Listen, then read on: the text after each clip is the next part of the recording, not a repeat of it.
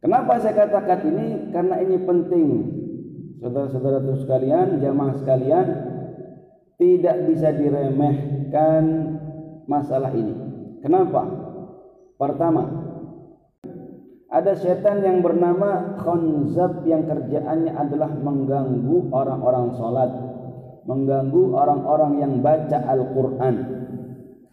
Bisa jadi ada orang mau sholat dihalang-halangi oleh dia.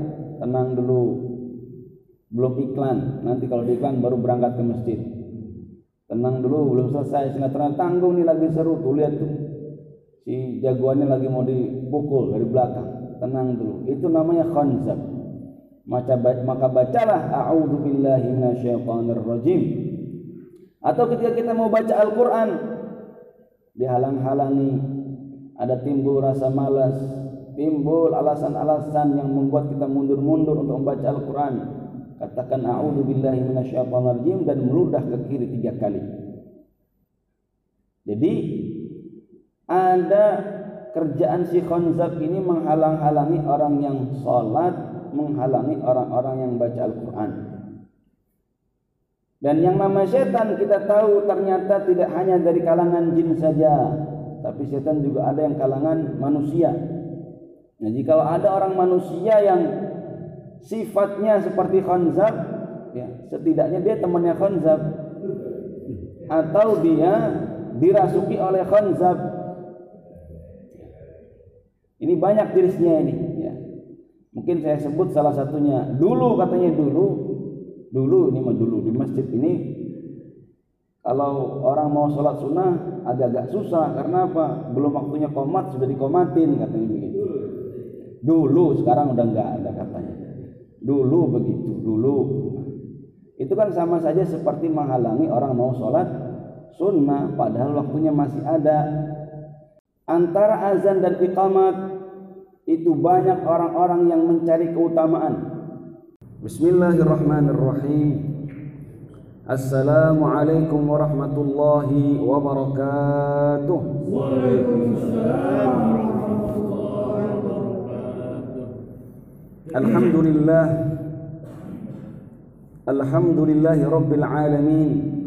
Wassalatu wassalamu ala ashrafil anbiya'i wal mursalin. وعلى آله وصحبه أجمعين أما بعد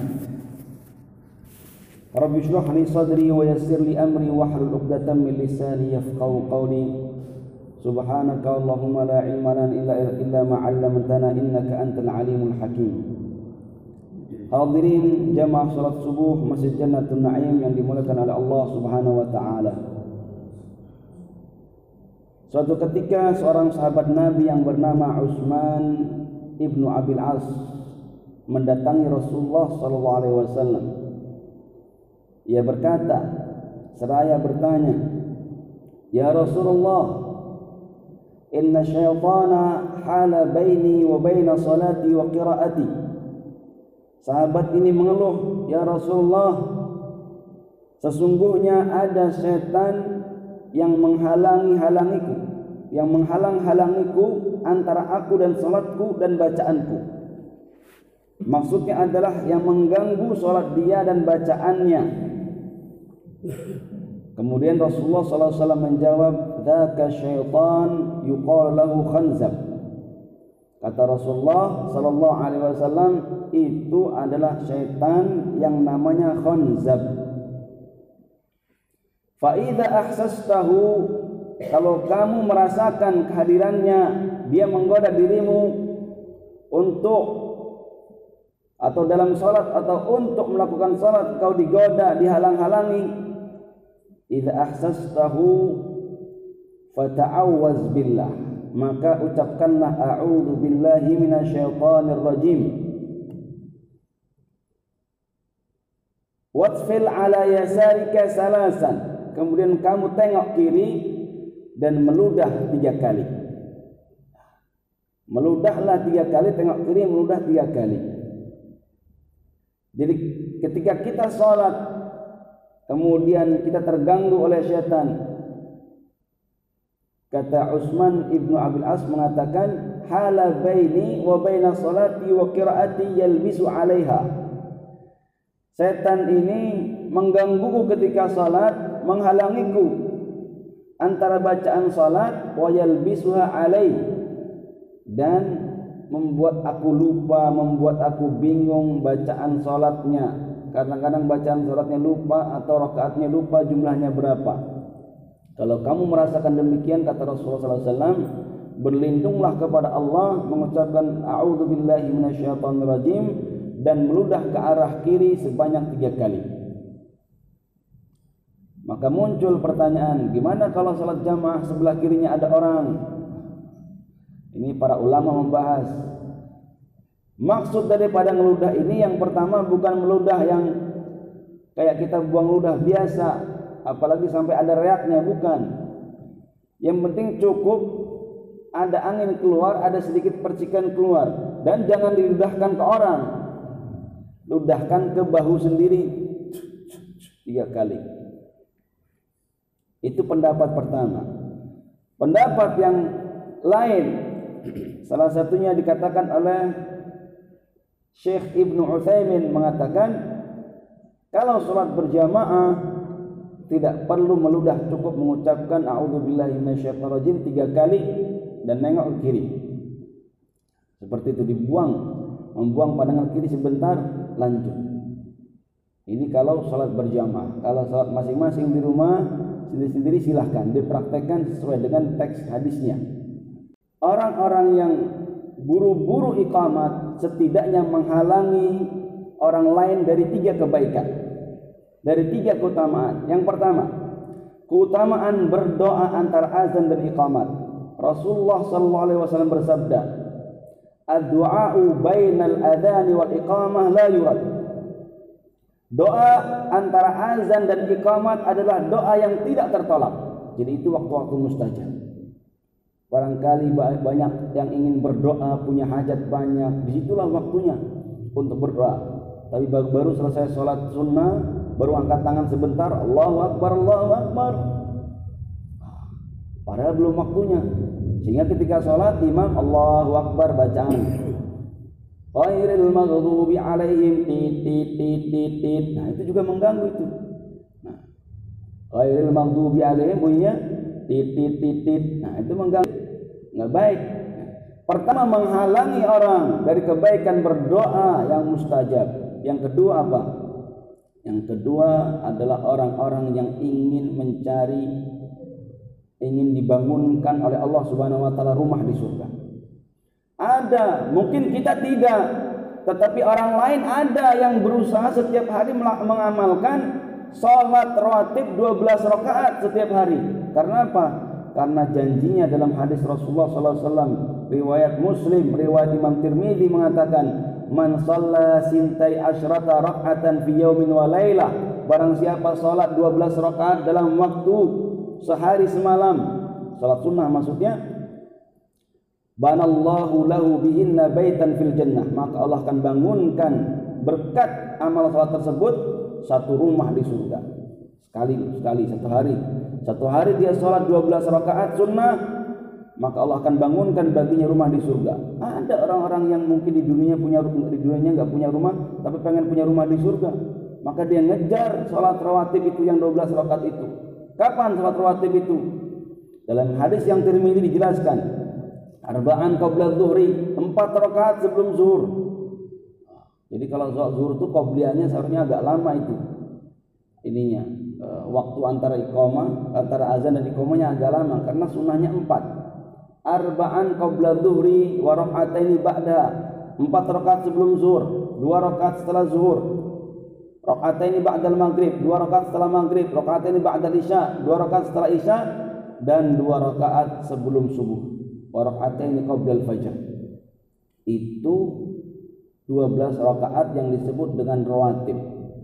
Yang mempunyai keutamaan khusus kalau orang mengerjakannya 12 rakaat itu dalam sehari semalam akan Allah bangunkan baginya rumah di surga. Jadi kalau orang yang buru-buru iqamat itu menghalangi orang yang ingin melakukan hal tersebut. Kemudian yang ketiga menghalangi apa? Menghalangi orang untuk ikut takbiratul ihram dengan imam. Karena bisa jadi masih ada yang di jalan. Seandainya dia komat sesuai dengan waktunya, mungkin dia akan tepat datang ke masjid setidaknya takbir atau ihram bersama imam. Tapi karena diburu-buru, akhirnya nggak dapat. Emang apa keutamaannya takbiratul ihram? Takbiratul ihram itu mempunyai keutamaan sendiri. Berbeda antara orang yang sholat jamaah setelah takbiratul ihram tidak takbiratul ihram bersama imam dengan orang yang ikut takbiratul ihram bersama imam. Apa hadisnya? Hadis sahih Muslim mengatakan Rasulullah SAW bersabda, "Man shalla lillahi arba'ina yawman, barang siapa salat lillahi ta'ala selama 40 hari secara berjamaah, barang siapa salat lillahi ta'ala selama 40 hari berjamaah, yudrikut takbiratul ihram, dia mendapatkan takbiratul ihram bersama imam kutiba lahu bara'atan. Maka Allah akan tuliskan bagi dia dua keselamatan. Dua kebebasan. Apa dua kebebasan itu? Bara'atun minan nar. Dicatat oleh Allah Subhanahu wa taala dia selamat dari api neraka. Wa bara'atun minan nifaq. Yang kedua dicatat keselamatan baginya selamat dari segala sifat kemunafikan. Syaratnya 40 hari berturut-turut salat berjamaah tidak tertinggal takbiratul ihram. Dan saya tahu ada orang-orang yang mengejar itu. Setiap saat dia tampil salat berjamaah tidak mau ketinggalan takbiratul ihram. Tapi terkadang manusia yang mungkin dia memang niatnya azan sudah di masjid, tapi yang namanya manusia kadang-kadang tiba-tiba perutnya mules, kadang-kadang pengen buang air kecil, kadang-kadang sudah sampai masjid harus ke toilet dulu dan seterusnya batal. Maka ada toleransi waktu sebentar untuk apa? Untuk menunggu orang-orang seperti itu. Bayangkan kalau orang sudah sampai mengejar itu sudah 39 hari kurang satu sholat doang istilahnya begitu. Kurang satu sholat doang tinggal sholat isya doang itu. Ya. tiba-tiba sholat isya udah sampai ke masjid tiba-tiba mules. Sebenarnya dilihat wah ini masih menitannya masih tiga menit lagi nih. Bisa lah ini. Buru-buru ke toilet selesai ini dua menit. Ternyata baru masih ada sisa dua menit udah dikomatin. Allahu Akbar Allahu Akbar. Masya Allah kata dia.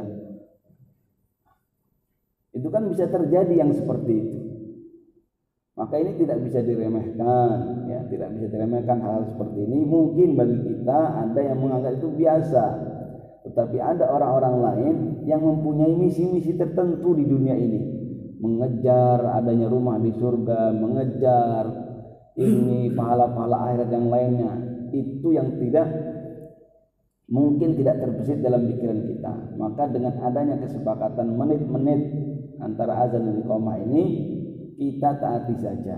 Ya itu sesuai dengan kesepakatan. Dan insya Allah baik kita pun ikut memanfaatkan menit-menit berharga tersebut. Berdoa kepada Allah Subhanahu Wa Taala zikir wirid dan itu tempat-tempat yang mustajab ya. ini saya sampaikan karena ada kegelisahan beberapa orang di masyarakat. Tetapi katanya itu dulu sekarang insya Allah sudah nggak ada lagi. Ya.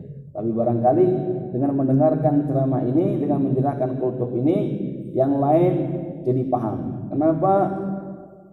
Kenapa? Atau apa keutamaan uh, waktu antara azan dan iqamat? Ya. Semoga kita terketuk hatinya, termotivasi hatinya untuk melaksanakan ibadah-ibadah atau untuk mengejar keutamaan-keutamaan tadi.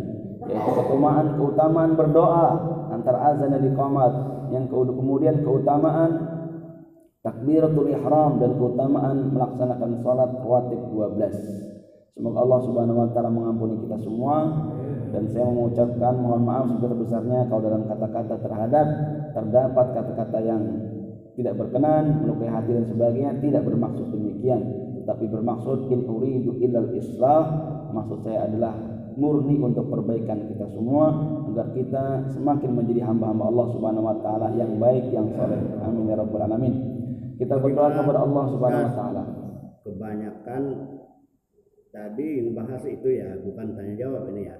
Silakan. Tapi waktunya udah mau mepet untuk iqomah datangnya udah telat sembahyang sunat bacanya panjang. Ya gimana orang kayak gitu?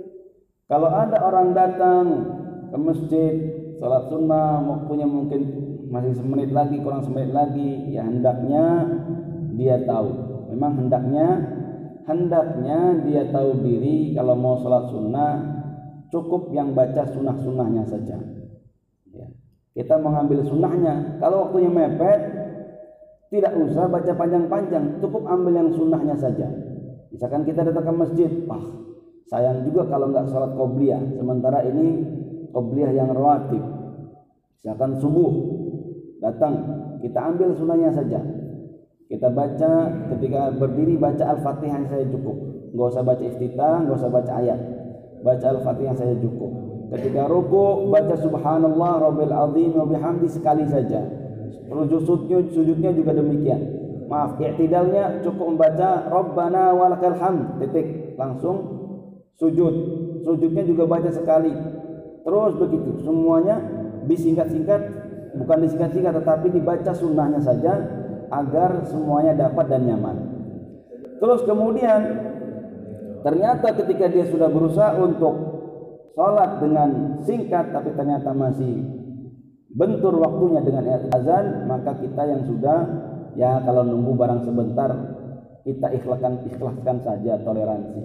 Insya Allah dengan menunggu sholat kita ini menunggu sholat pahalanya seperti kita sholat kata Rasulullah SAW la yazalu imru'un fi salat ma yang tazirus sholat dalam sebuah hadis dikatakan seseorang itu dicatat pahala seakan-akan dia sholat selama dia menunggu sholat. Jadi sebenarnya baik buat kita semua. Ya, buat yang sholat dia sedang sholat buat kita yang nunggu sholat kita juga mendapatkan pahala orang sholat. Nah, insya Allah itu lebih baik. Allahu a'lam bishawab. Kita berdoa kepada Allah Subhanahu wa taala. Ya, kita doakan saudara-saudara kita yang sakit Allah berikan kesembuhan kita doakan saudara-saudara kita yang terlilit hutang Allah berikan kemampuan untuk membayar hutang. Kita doakan saudara-saudara kita yang tertimpa musibah, yang terzalimi, terutama saudara-saudara kita di Palestina. Allah berikan bantuan, Allah berikan pertolongan yang cepat. Ala hadiniyah wa ala kullatin salihah ila hadratin Nabi Mustafa Rasulullah sallallahu alaihi wasallam. Al-Fatihah. A'udzu billahi